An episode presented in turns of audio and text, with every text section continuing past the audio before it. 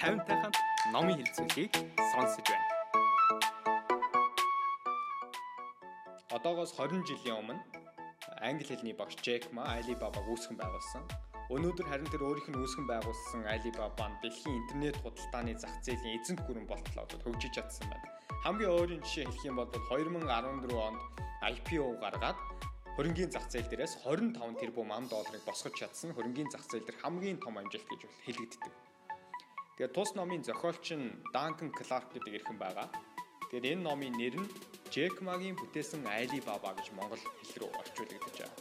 Тэгээд тус номыг монголд орчуулсан эрхэн болох Саруул гээд бүсгүйг орчуулагч болон ерөнхий редактораар ажилласан. Тэгээ энэ бүсгүйг би номынхаа хэлцүүлгээр 2017 оны 1 сарын 12-ны өдөр үрж оролцуулсан байна.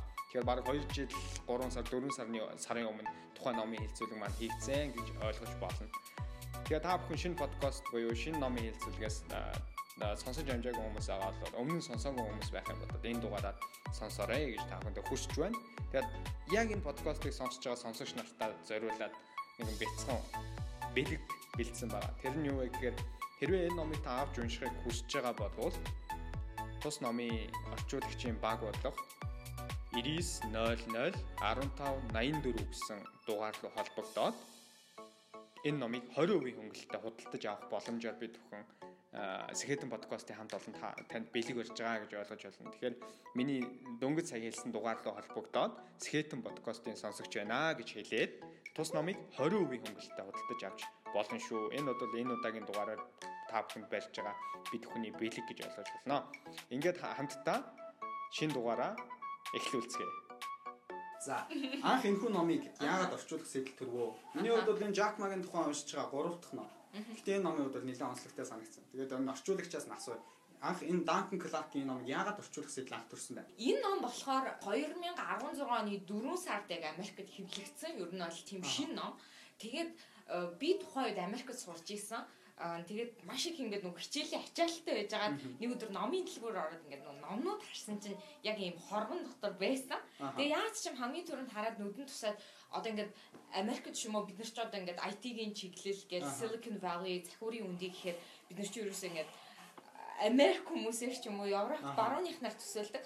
Гэтэл нэг Аз Тэ нөхөр гарч ирэнгүүтээ дэлхийн хөрөнгөний зах зээл дээрээс хамгийн одоо өндөр IPO босгоод тэгээд ингээд алдар төрсөн. Тэгээд Jack Ma-гийн өөрөөр хэлбэл нөгөө ярьсан үг хэлсэн үгнүүд нь интернет тэ сошиал орчинд айгүйх түгдэг.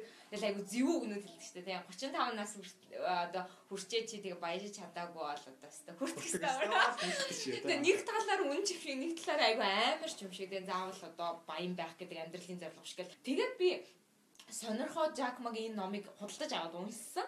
Тэгээд уншсныхаа дараа энийг яагаад хүмүүст хүргэж болохгүй гэж гэж бодсон. Тэгээд Монголд ингээд харсан чинь Жакмагийн тухайн нэг л ном байсан. Тэгээд тэр нь болохоор нэг Солонгос хүний бичсэн ном байсан. Тэгээд Солонгос тий Солонгос хүн Жакмагийн талаар бичсэн. Тэгээд тийм номсон. Тэгээд би а тэр нь болохоор нэг тийм амжилтын нууц мууц гэдэг. Тэгэд яг энэ ном болохоор хятадын зах зээл тэгээд яг энэ Jack Ma одоо бидний мэддэг WeChat-ийн талаар та яагаад Google компани одоо хятадаас гарсан ингээл одоо бүх юмны талаар өгүүлсэн. Тэгээд яагаад энийг хүмүүст хүргэж болохгүй гэж гисэн бодлоор орчуулсан. Ааха. За энэ орчуулагчийн тухайд бол их сонирхолтой байгаа даа. Жирийн нэг орчуулга биш. Америк хүн бичсэн. Тэр дундаа энэ номон дээр тухайн үеийн бүгд найрамд хятад алд улсын одоо жишээ дарамт шахалтай. Мэдээж хятад улс бол социалист, коммунист нам нь бол бүх эрх мэдлээ алтгадаг юм байна. Тэгэхээр зохиолчийн хувьд юугаар онцлог болохоор энэ Jack Morgan тухайн энэ номыг бичсэн байна. Duncan Clark гэдэг зохиолч дээ. Энэ Duncan Clark гэдэг хүн бичсэн. Энэ бол Америк хүн Stanford-ийн Stanford их сургуулийн зочин судлаач. Тэгээ 94 оноос хойш хятадд одоо амьдарж байгаа хүн хятад судлаач тэгээд хятадд өөрийн гэсэн компанитай тэгээд урд нь JP Morgan JP Morgan компанид ажиллаж байсан.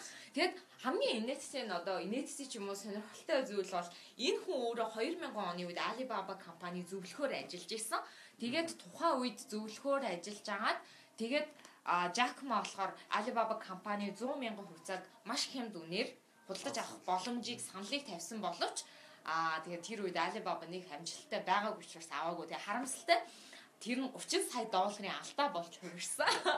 Тийм тэгээд тийм хүний бичсэн ном өөр тэгээд нэг талаас хоёрдугаарт энэ өөр нөгөө Америк хүн болохоор одоо яг хэдийн засгийн газар одоо Alibaba компани хооронд болсон тий бүхэл тэр зүйлсүүдийг одоо хятад тухайлбал мэдээллийн хувьд хаалттай улс тий гэж ярьдаг тий Google ажилтгүй яг уу одоо ингээл бүх зүйлсүүдийг ярьдаг. Тий тэгэхээр энэ хүн бол нэг үгүй нэрээ юм Тэгэхээр 94 оноос хойш хятад амьдарч байсан гэсэн. Хамгийн анх 1999 онд аа 99 оны 100 Alibaba компани дөнгөж байгуулад байхад энэ Duncan Clark եւ Jack Ma-тай танилцсан гэж хэлт юм байлээ. Тэгээ анх танилцсан тэр үеэс яриагаа эхлэхгүй. За хамгийн эхлээд IPO зарласан сүүлээс нь ингээд дэлхийд дахин тесрэлт хийсэн дэлхийн шилдэг 10 компани нэгээр орсон энэ компани сүүлжлээ. Тэгэд энэ дээр нэг би тэмдэглэлээс хараад шууд хэлээ л дээ. Alibaba Group гэж яригдж байгаа анх бол компаниас одоо бол группийн хэмжээнд болсон. 2014 оны 9 сард Нью Йоркийн хөрөнгийн бирж дээр IPO гаргасан байна. За энэ IPO-оор 25 тэрбум долларын ашигыг хүртэж чадсан байна. Энэ нь өөрөө дэлхийн шилдэг 10 компани нэгээр шалгарсан санхүүгийн зах зээл дээр томоохон тесрэлт хийж томоохон амжилтыг бий болгосон байна. Тийм болохоор өнөөдөр энэ эрхмийг дэлхийд дахин шуугиж штэ. Үржигдэрхэн гэхэд Дональд Трамптай уулзаад видео бичлэг хийгээд фэйсбүүкээр бол одоо маш их эрчийг түгээ явж байна тийм. За тэгвэл Jack Ma-гийн намтраас ерөнхийдөө эхлэв. Багын амьдрал ямар хөө хөхөд байсан? А Jack Ma-гийн намтрын хувьд надад хамгийн онцлогтой санагдсан англи хэл сурсан түүхэн байдаг. Одоо ингээд манай залуучууд бүгд л IELTS, TOEFL, GRE тэгээ Америкт суралцъя гэж ярьж байна. Тэгэхээр Жак мол өөрөө хэлсэн байдаг. Миний одоо энэ амжилт гаргахад миний энэ бүх зүйлд хамгийн нөлөөсөн зүйл нь ерөөсөө л англи хэл. Би англи хэлтэй учраас би мэдээлэлд хүрсэн. Англи хэлтэй учраас би бүрстаас нэг алхамд одоо байсан гэдгээ бол үргэлж хэлдэг. Тэгээд Жак мол нөгөө Ханжоу гэдэг хотод төрж өссөн. Тэгээд Ханжоуд нь болохоор яг байгалийн тийм үзэсгэлэнтэй газар тэгээд хятад чинь хаалтаа ус байсан болохоор гадаадууд нэг их аялдгүй. Тэгээд тэр ханжаавд болохоор ер нь бол ингээд өглөө болгон тий өглөө болгон дугуугаа унаал одоо 30 минут явж хүрээл тэгээд тэр нэг зочид буудлынх нь гадаа очивол гадаадуудтай ярьдаг. Тэгэл бороо орж исэн ч цас орж исэн ч өглөө болгон очиж хүмүүстэй яриа. Тэгээд тэр баруун нуур гэж байдаг гэсэн. Тэгээд тэнд очиж хөтөж хийдэг. Тэгээд тэр хүмүүстэй ингээд яриад өдөр болгон тэгж англи хэлээ сайжруулдаг байсан. Үгүй англи хэл хичээд байсан шүү дээ. Тийм. Тэгээд ер нь хүн сурал гэх юм бол тий ямар ч төвсөл байлаа сурж болдог гэдэг үгээр харж болно.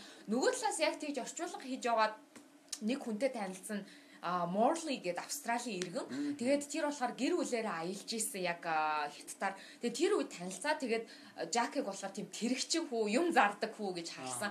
Тэгээд яг тухайн үед болохоор Морли болохоор ингээд тэд нар холбоотой байгаа загтлаар харьцдаг. Тэгээ Джек тэднэрт ингээд Жакма ингээд загтал бичингүүт нь а тэр Австрали руу явуулаад тэгээ Австралиас тэд ингээд үг үсгийн алдаагийн засаад явуулдаг. Одоо энэ ном дээр тэр Жакмагийн жоохон бахта биччихсэн захаан тий гараар бичсэн загтлынхын зураг хүртэл байгаа аахгүй. Тэгэхээр ингээд яг л юм сурахын төлөө маш их хичээж исэн тийм л хүн. Тэр нь их сонирхолтой. Багийнхан амьдрал тийм ээ. Яг нөгөө таны ярьж байгаа яриан дээрээс дөрөөлөд нэг юм орж ирж байгаа л да. Тэрний юу гэхээр ер нь бол тооны хичээл, шинжлэх ухааны талын мэдлэг бол тоо ховор байсан. Тэгсэн ер нь бол аялал жуулчлал англи хэл гэдэг энэ хоёр хичээлдээ л их дуртай байсан. Тэгээд тухайд бас нэг дунд сургуулийн нэг багш нь англи хэлний багш хилжиж ирсэн түүх байд юм байлаа. Тэр хүн нь бол өөрийнх нь амьдрал нэлээд том өөрчлөлтийг бий болгосон гэж англи хэлийг нь би сурах хэрэгтэй байна гэдгийг ойлгосон. Тэгээд англи хэлийг сураад яваад нөгөө ахлах сургуулаа төгссөн. Тэгээд их сургуулийн төгсөх нөгөө монголоор бол одоо Ешин шалгалт гэх юм уу да. Ийм шалгалт өгсөн. Хоёр удаа бүтлгүүдсэн. Тэгээд хамгийн эхний бүтлгүүд нь болохоор 120 оноос ердөө нэг оноо авчихсан байхгүй юм. Тэгэхээр одоо бодоод үзэхэд бол амар санаа тий. 23 мянган ажилтнтай дэлхийн хэмжээний компаниг удирдах байгаа хүн ихтэй сургуульд элсэн орохдоо хоёр удаа бүтлгүүдсэн. Тэгээ гурав дахь удаага дөнгөн данган оноон тэнцээд Ханжао буюу одоо өмнөд хиттийн өмнөд хиттийн үзэсгэлэнт байглаараа алдартай Ханжао гэдэг хотод багшийн сургууль хэлсэн орсон байдаг. За тэр цаг үеэс л ер нь өөрийнх нь карьер бол би эхэлсэн байх гэж ойлгодог. Оюутны зөвлөлийн дарга болоод ерөнхийдөө өөрийнх нь амьдрал нь бол цэцэглээд эхэлсэн. Тэгээ энэ одоо оюутан болоод аа яг ажлын талбар дээр гараад хамгийн анх бол орчуулгын товчоо гэдэг зүйлийг нээж ажилуулсан шүү дээ тийм.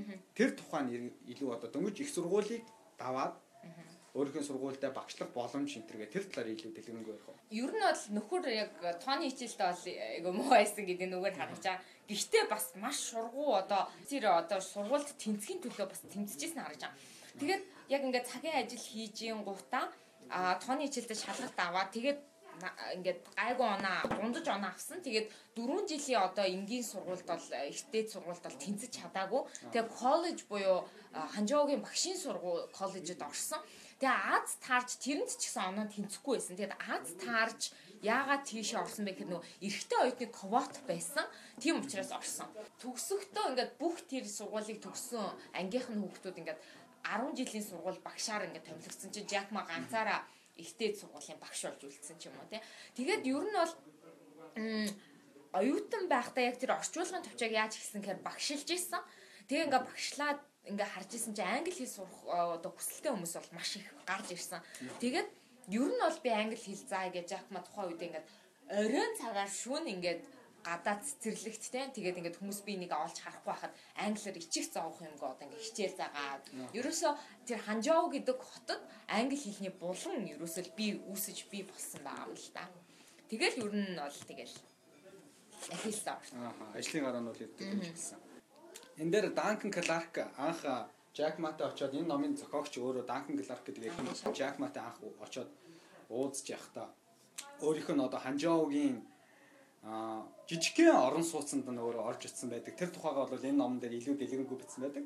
Юу гэж бичсэн байдаг вэ гэхээр за тухайн орон сууцад ингээд ороод очисон чинь зүгээр угаалгын өрөөнд нь ороод сойцныхын тоогоор энэ компанийг анх хэдэн хүн үүсгэн байгуулсан байл гэдгийг бол харж болох хэмжээ тийм хэмжээнд байсан гэж өөрөө дурдсан байдаг. Анх Жакма өөрөө тэгээ өөрийнх нь эхнэр Кейти тэгээд наан 16 хүнтэйгээр хамгийн анх өөрийнхөө одоо жижиг байшинд бизнесийн гараагаа эхэлж исэн байт юм байлаа. Эхнэртээ эхнэртэйгээ хамт бол маш олон зүйлийг дэнчин тавьж золиос гаргаж өөрийн бизнесийн гараагаа анх эхэлсэн. Тим түүхтэй байлаа. Анх бизнесээ эхлэхдээ ингэж хэлсэн байдаг шүү дээ. Alibaba компаниг одоогийн амжилтанд хүрэхэд гурван зүйл байсан гэдэг. Тэр нь одоо юу вэ гэхээр бидэнд мөнгө байгаагүй, төлөвлөгөө байгаагүй, техник технологи байгаагүй, Энэ л биднийг өнөөгийн амжилтанд хүргэсэн юм а гэж яг маасан. Тэгээ энэ нь бол их сонин содон сэтгэлгээтэй тийм хүн бэ. Тэгвэл одоо тэр төмөр гурвалжин гэдэг тэр зүйлийн тухай ярив. Энэ компани нууц нь Alibaba гэдэг энэ компани нууц нь төмөр гурвалжинд оршдгоо гэж энэ номон дээр бол бичсэн байна. Тэр талаар. Аха. Төмөр гурвалжин буюу Iron Triangle гэдэг нь өөрөөр хэлбэл яг ингээд улс төр ашиг сонирхолтой ийм бүлгүүдийг ер нь нэрлэдэг тийм үг.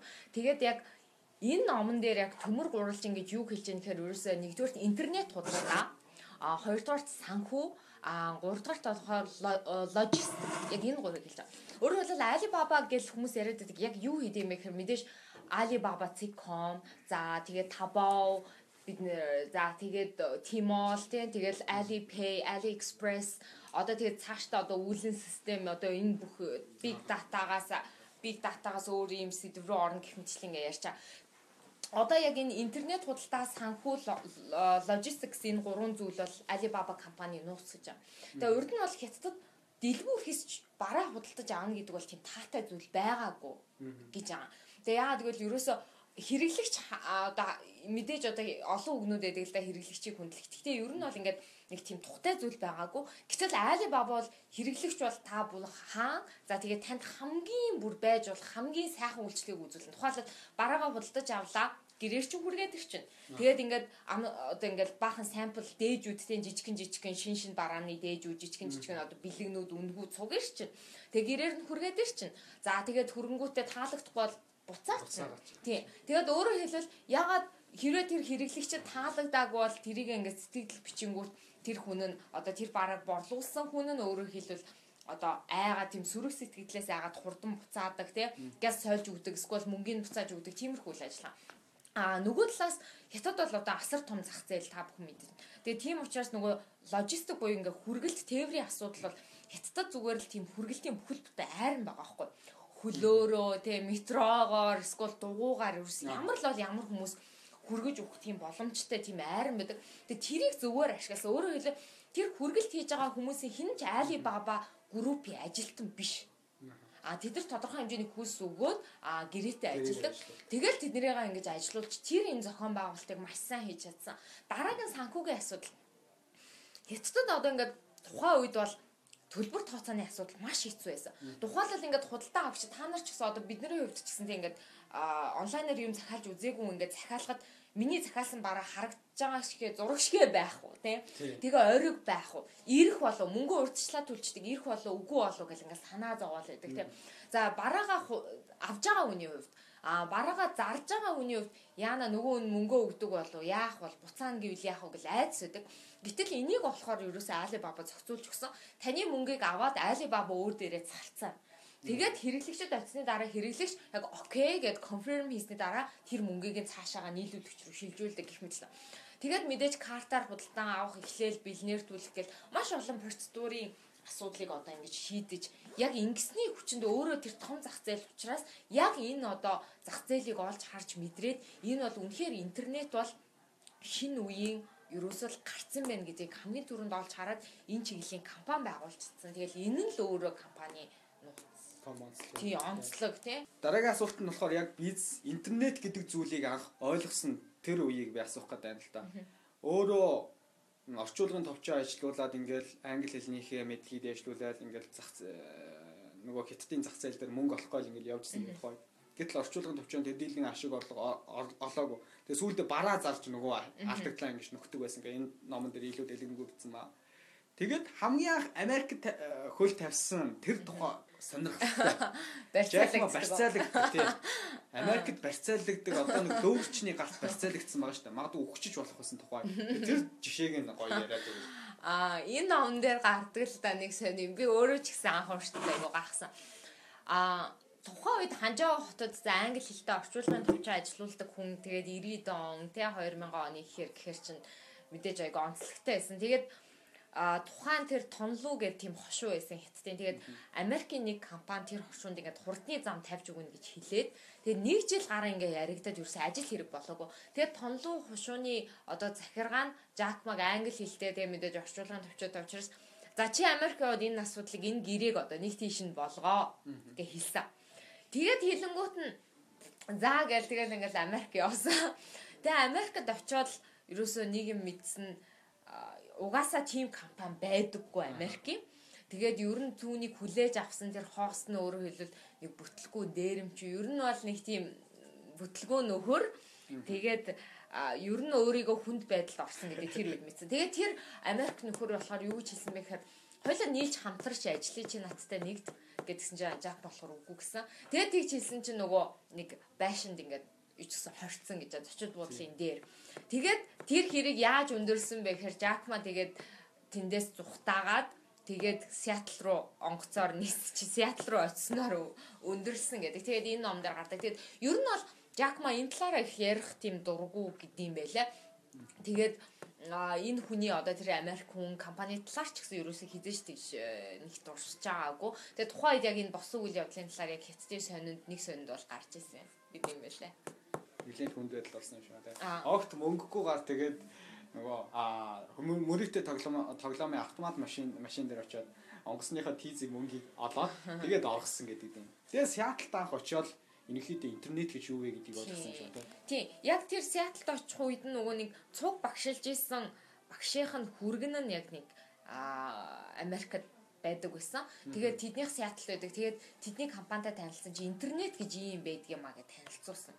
Тэгээд энэ дээр эн чи юу хийдэм бэ гэж Жак ма асуусан чи чи юу ч бичээд хайж болно гэд.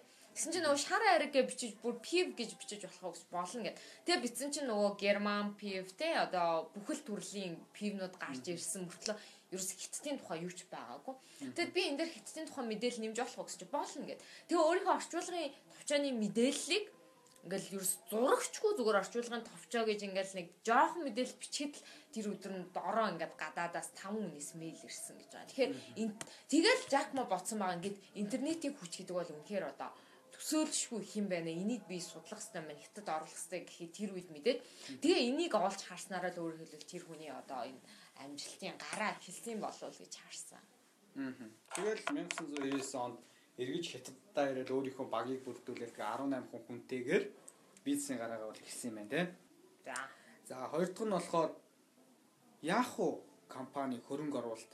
Тэгээд тэр SoftBank-ны за эхлээд би SoftBank-ны хөрөнгө оруулалтын тухай яриа. SoftBank-ны хөрөнгө оруулалт Масан Ишээ сан гэдэг алдартай. Би 6 дахь лайваар та бүхэнд энэ хүний намтрын тухай ярьчихсан.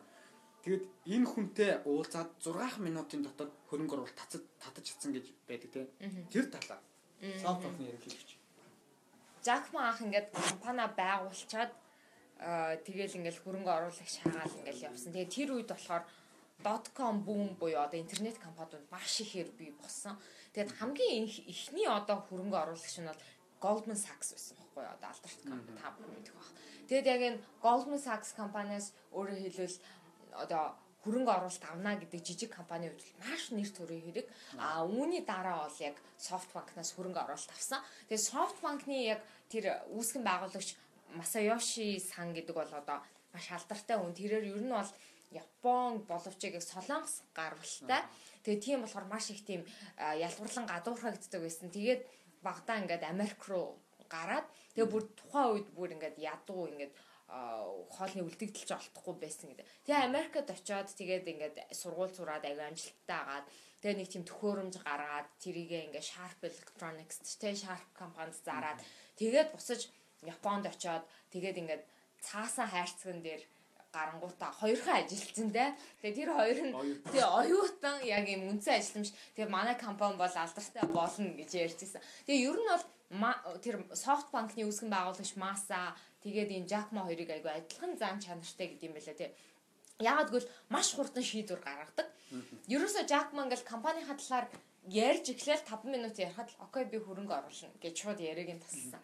Ер нь бол маш тийм түргэн шийдвэр гаргадаг. Тэгээд урд нь яг Yahoo компанид хөрөнгө оруулаад маш их одоо бүр баяцсан. Тэр бүртэн үшээ болцсон байсан. Тэгээд ер нь бол хүнийг хараад шууд одоо энэ хүн бол яг зорилго нь тодорхой байна. Жакмаг хараад тийм зорилго нь бол тодорхой байна. Хийх юм нь тодорхой байна. Энэ хүнд санхүүг нь өгчих юм бол амжилтанд хүрэх юм байна гэдгийг хараад хөрөнгө оруулсан юм болов гэж утсан. Аа.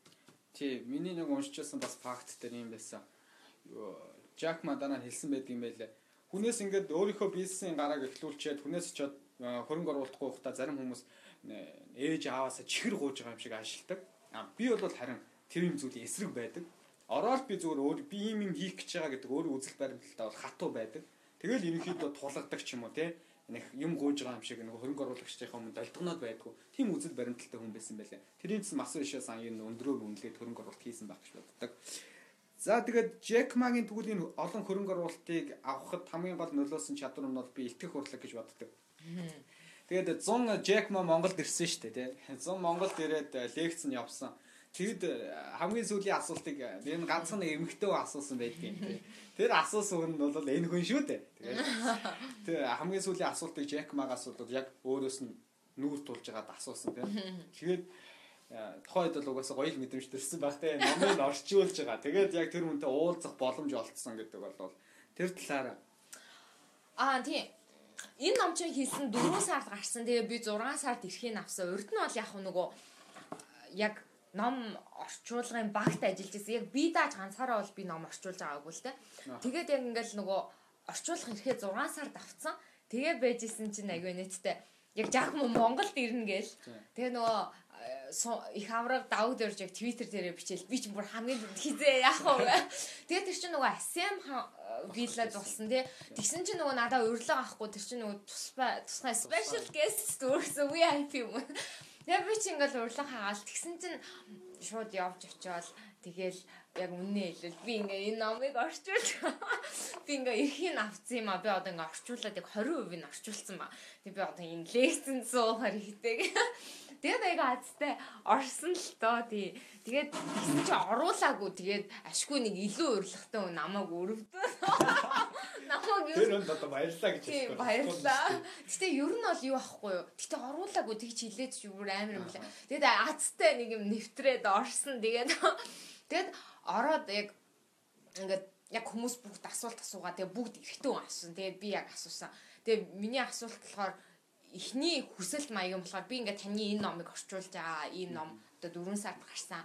Тэгээд та өмнөх үг бичиж өгөөч ээ гэсэн а 20 дахь асуулт нь болохоор та ингээд эргээд 25 настай Жак Маргийнхаа одоо үед буцвал Тэ одоо юу өөрчлөх зүйл байсан уу? Өөртөө юу гэж захиж хэлэх байсан бэ? Яг бол би өөрөө тэр насны хүн учраас а одоо тухайн үед юу гэдэг эрүүл мэндэл хамгаалаараа. Хүнд бол хамгийн үнэт баялаг нь одоо гэр бүл байд юм байлаа ч гэдэг юм уу. Одоо нэг тийм гоё юм хэлэх авах гэж бодол энэ хоёр асуултыг асуусан тэгээ харамсалтай нөгөө шууд хоёр дахь асуултанд нь хариулсан. Тэгээ би яагаад гэдэг учрыг нь бол дараа нь ойлгосон. Энэ үгэнд бол одоо ингээд өмнөх үг бичиж өгөхөд бол жоохон сул талтай. Яагаад вэ гэвэл энэ ном нөгөө Жакмагийн хятадын засгийн газартай босон бүх үйл явдлыг Нино бичсэн. Өөрөөр хэлбэл нөгөө хятадчин мэдээллийн хувьд хаалттай улс. Тэгээд Жакмагийн туслахын бичсэн ном ном байдаг юм байл л те. Тэгэхээр тэрэн дээр бол одоо ингээ хитийн засгийн газартай тэр болсон бүх асуудлуудыг бичиж болохгүй. Цензуртэй, хяналт цензуртэй. Энэ номд бол одоо яг юу болсон? Жакма бүр сошиал медиа дээр хүртэл одоо ингээл банкнуудын талаар нэр заагаал одоо хэлсэн мэлсэн. Бүх юмыг бичсэн. Тэгээ тийм болохоор өөрөө ч гэсэн яг бичгээд бол тохиромжгүй. Тэгээд Тэгээд энэ асуултыг албаар алгасаад миний 20 дугаар асуултанд шууд хариулсан баг гэж үзсэн. Тэгээд хариулахдаа бол тэгээд шууд нөгөө уран илтгэгч хүн гэдэг чинь асуултандаа хариулдаг юм байлаа шүү тайр. Би ингээд тухайн үед амар асуулт асуувал тэрэндээ хариулт авна гэж бодсон чинь аа нэг тиймэрхүү эмэгтэй хүн асуулт асуусанд маш их баярлаа гэж хэлсэн. Тэгээд яагаад гэвэл IT-ийн компани тухайлбал эмэгтэй ажилчдын тоол маш бага байдаг тийм бид нэр биш. Гэтэл Alibaba-гийн ажилчдын хувьд мэдээж одоо юу гэдэг нь та нар зарим нь IT биш хүргэгч их байдаг байдаг гэж олон л асуудал баг. Гэтэ anyway энэ бол эдийн компани 47% нь эмэгтэйчүүд.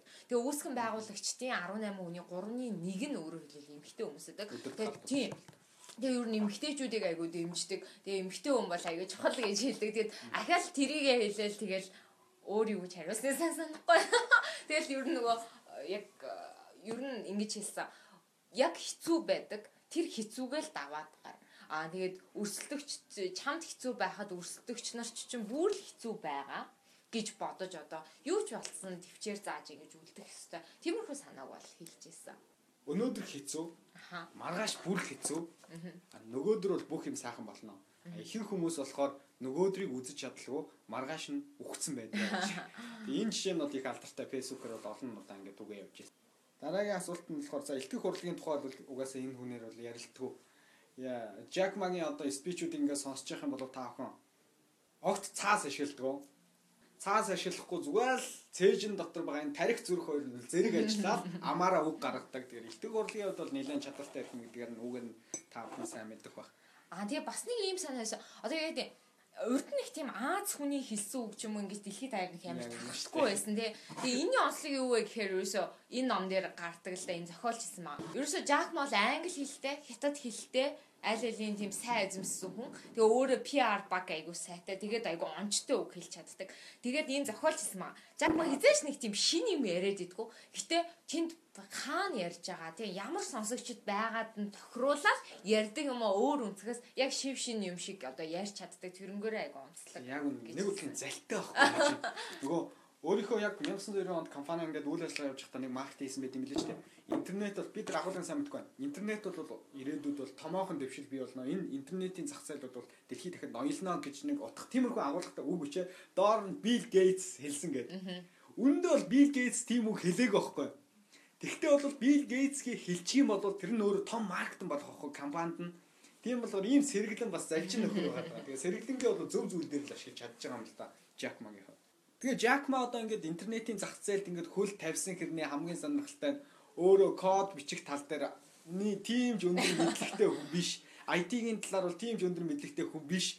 Тэгтэл хийцэн байгаа байхгүй. Тэгэхээр бол гой санаа очих юм бол зүгээр л хийгээдэ гэдэг тал дээр бол Jack Ma бол байр суурь нэгтэй юм лээ. За одоо тэгвэл Alibaba компани одоо ихэр одоо хоёр хүүхэд гэх юм уу. За тэгж хэлж бас шууд болохгүй. Тим бол Taobao хоёрын тухай. Энэ хоёр нь бол нэлээд бас Alibaba томхоо орлогыг оруулж ирдэг вебсайт байгаа шүү дээ. Аа За тэгээ хэлсэн ерөөсөө л интернет худалдаа тэгээд урд нь бол интернет худалдааг одоо залуучууд хэрэгэлдэг. Яагаад юм онцлог одоо бид нар ингээд ямар нэгэн юм болохоро юу гэдэг хамгийн түрүүнд Google-ээс хайдаг штэ тий. Одоо хаана байна, ямар үнэтэй байна, эсвэл хаана зардаг Google-ээс хайдаг шиг мэдээлэл хаах болохоор хүмүүс одоо ямар нэгэн бараа худалдаж авах та хамгийн түрүүнд табоогоос хайдаг ямар үнэтэй байна, ханшин хэд байна, ямар өөр төрөл загвар байд юм. Ерөөсөл тийм болгож чадсан. Тэгээд табоо нь болохоор айл болох табоогоос одоо юуг л бол юуг худалдаж аав. Тэгээд тийм сонирхолтой хачирхалтай юмнууд байдаг. Тухайлбал нэг оюутан одоо унгасаа хийж уудал савлсан.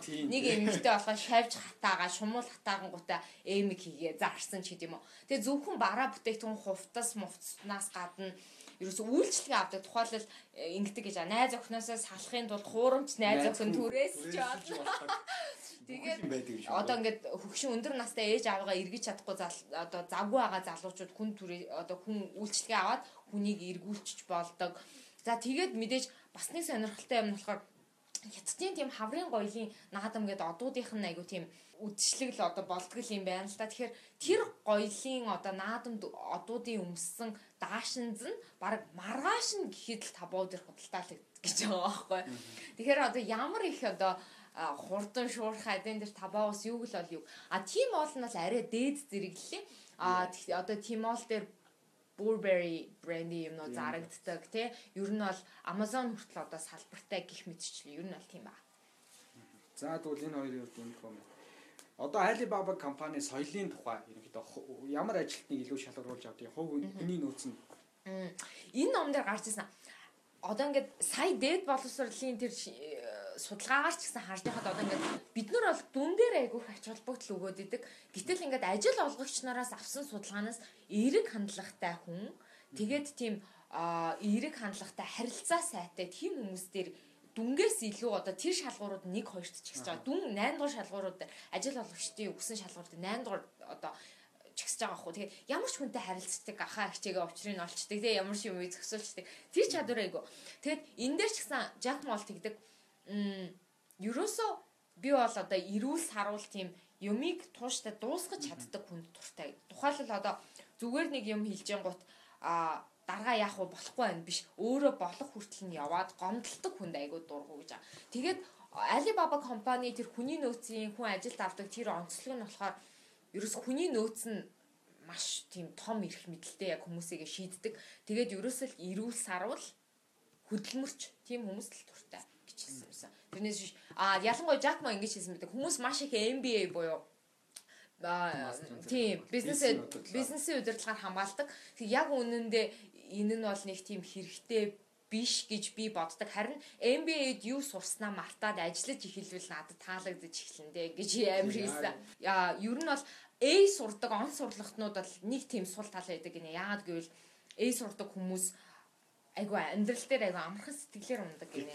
Бүх юм дээр ингээл айгу амжилттай бол амьдрал ч гэсэн тийм шиг байгаад тэгээд айгу сэтгэлээр унцдаг. Харин BC-нүүд болохоор өстэй махардаг. Угаасаа тэгээд сурцсан байдаг гэж хэлдэг. Тэгээ өөрөө бол ер нь бол хамгийн одоо нэгт ихсдэг нэг хоёр биш нэг тийм дөрөв тав ихсдэг хүмүүсийг авах туфтай гэж бас яг энэ ном дээр гардаг.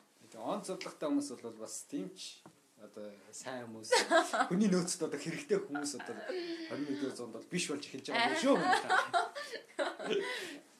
За тэгвэл одоо өрсөлдөөн л орё. Alibaba гэдэг компани бол ингээл тодорхой цаг хугацааг аваад уналт босолт гэж явж байсан.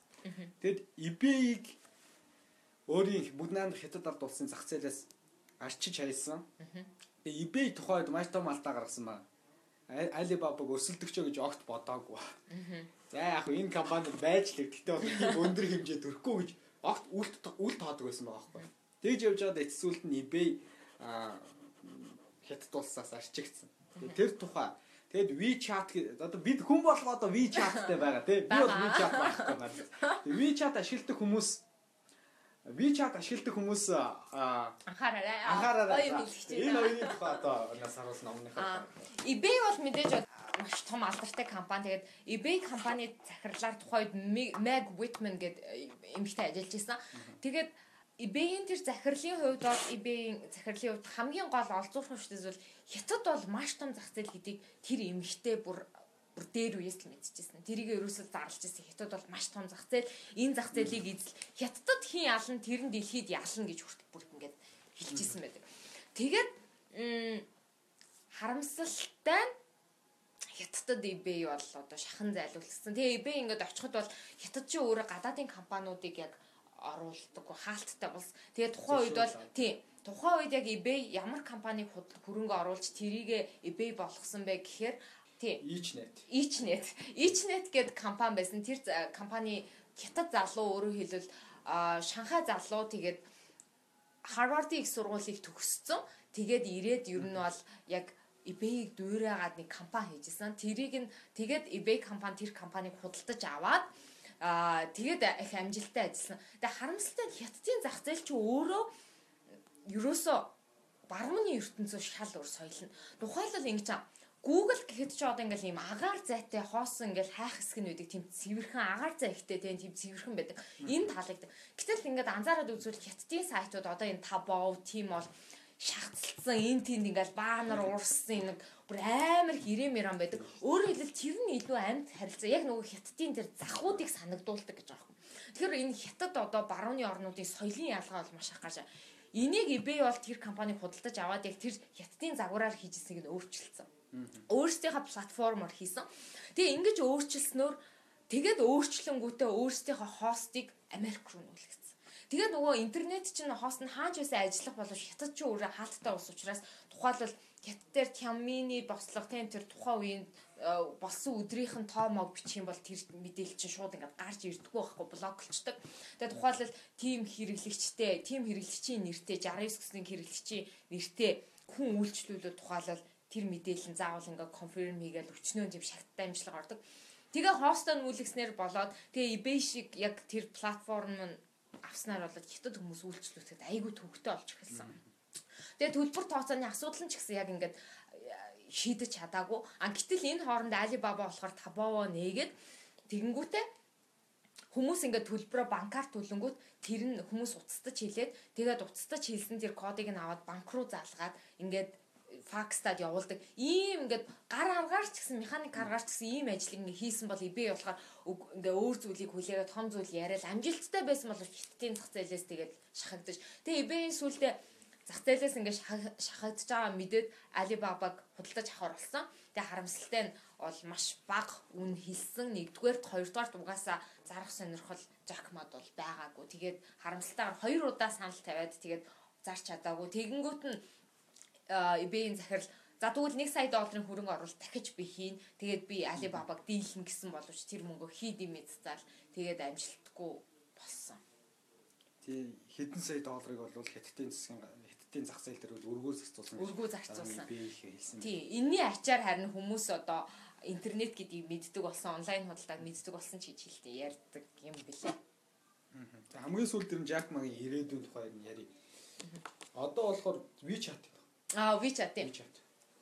Одоо ингээд WeChat-ыг болохоор Tencent гэдэг компани одоо хятадаар юу гэж уншиж мэдэх үлдээ. Ten гэдэг нь англиар 10 гэдэг, cent гэдэг нь одоо cent гэдэг шиг 10 цент. Тухайн үед нөгөө хятадд мессежний тариф бол 10 цент гэдэг шиг тэгж зүйрлэж компани нэрлсэн.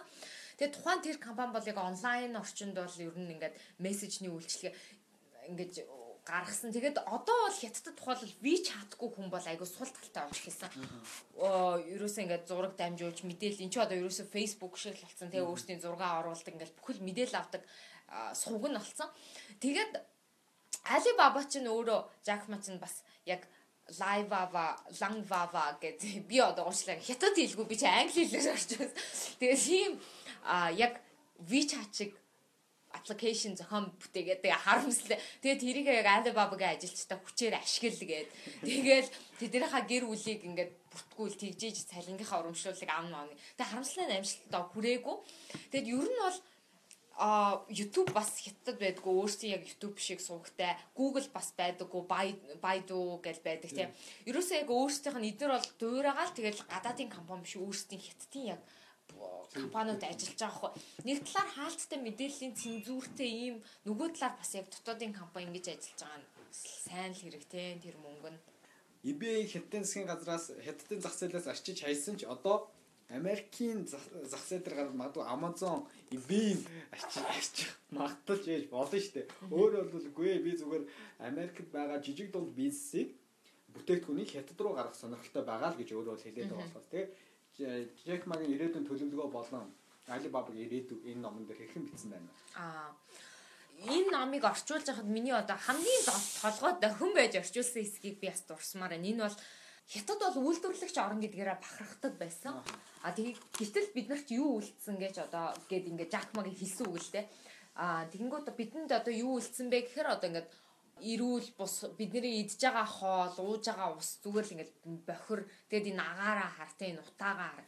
За яг хуу баян хүмүүс цэвэр усаа угаад баян хүмүүс үнтэй хоолоо идэж болтгол юм багаас гэхдээ бид нэг л агаараар амьсгална гэж бичсэн байсан.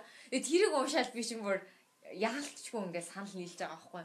Өнөөдөр одоо юу гэдэг бодтой одоо Монгол улсын дотоодын нийт бүтээгдэхүүн тийм одоо тэр эдийн засгийн байдал гэтэл нэг компани л одоо хөрөнгөтэй тэнцэж идэг ч гэдэм одоо ингэ бидэрт айгүй олон асуудал байна. Тэгэхээр бид нар одоо яг мэдлэгийн эдийн засгийг бүтээх ёстой байна л гэдгийг би энэ номноос уншаал одоо одоо бид нар чи уул уурхаа хүрэн эдийн засаг гэдэг. Гэтэл одоо солонгон байдлаар те яг энэ мэдлэгийн эдийн засаг энийг л одоо хөгжүүлэх ёстой байна гэдгийг бол энэ номыг уншаад орчуулах явах та би бол маш их ойлгосон. Тэгээд манай бас клубийнхан тэгээ тайм доктор нэг клуб эрдэм тэгээд энэ клубээс гаргасан ном баггүй юу? Аль биесний эрхийн. Тий, эрхийн аваад. Тэгээд энэ клуб маань бас 100 нөгөө networking night гэдэг Amazon, Google, Facebook-д ажилладаг Монгол инженер залуучуудыгаа ураад бид нар хоорондоо танилцах, speed dating буюу түргэн болцоо хийгээд ийм арга хэмжээ зохион болсон.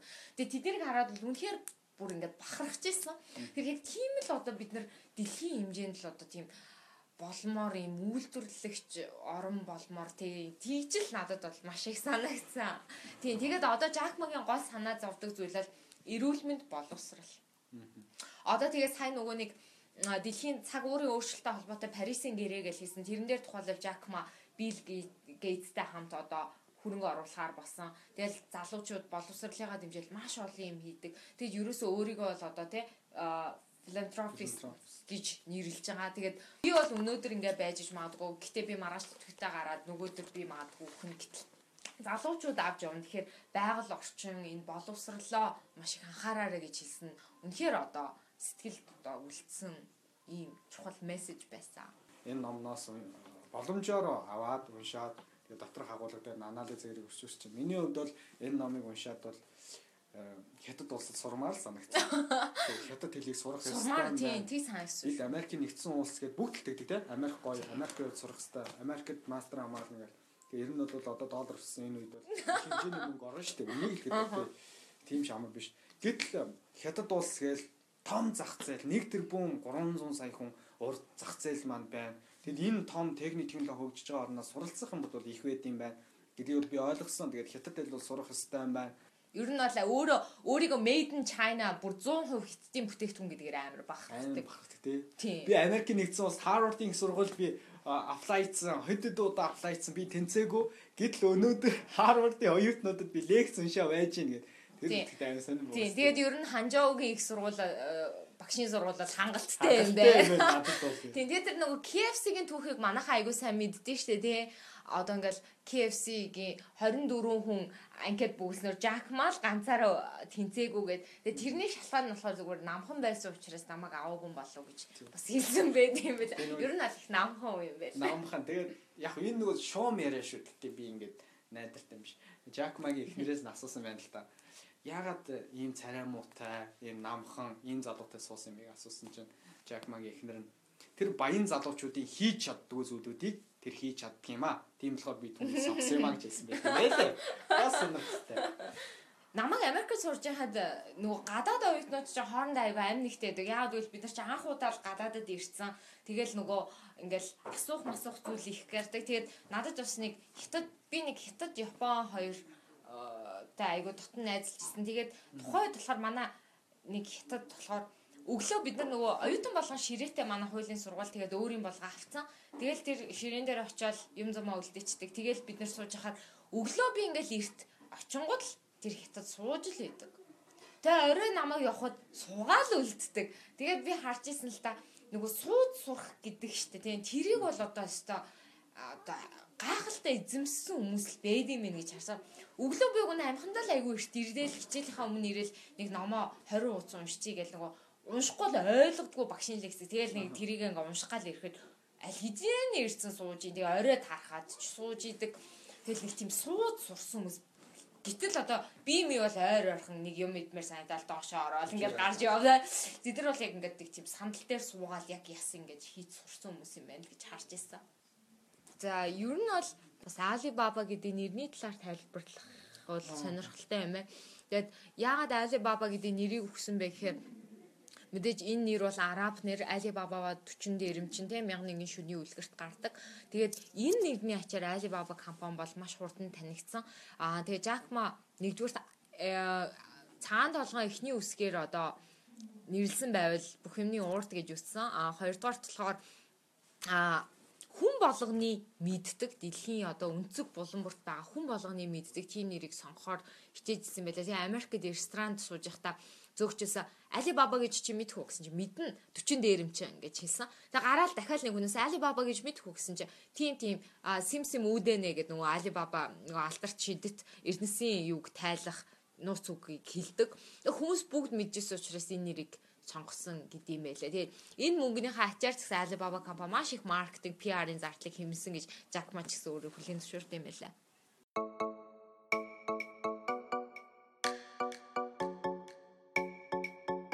Энэ хүртэл хамтдаа байсан сонсогч танд маш баярлалаа. Тэгээс Хэдэн подкастын сонсогч та бүхэн яг юу хийх юм маш сайн мэдэж байгаа.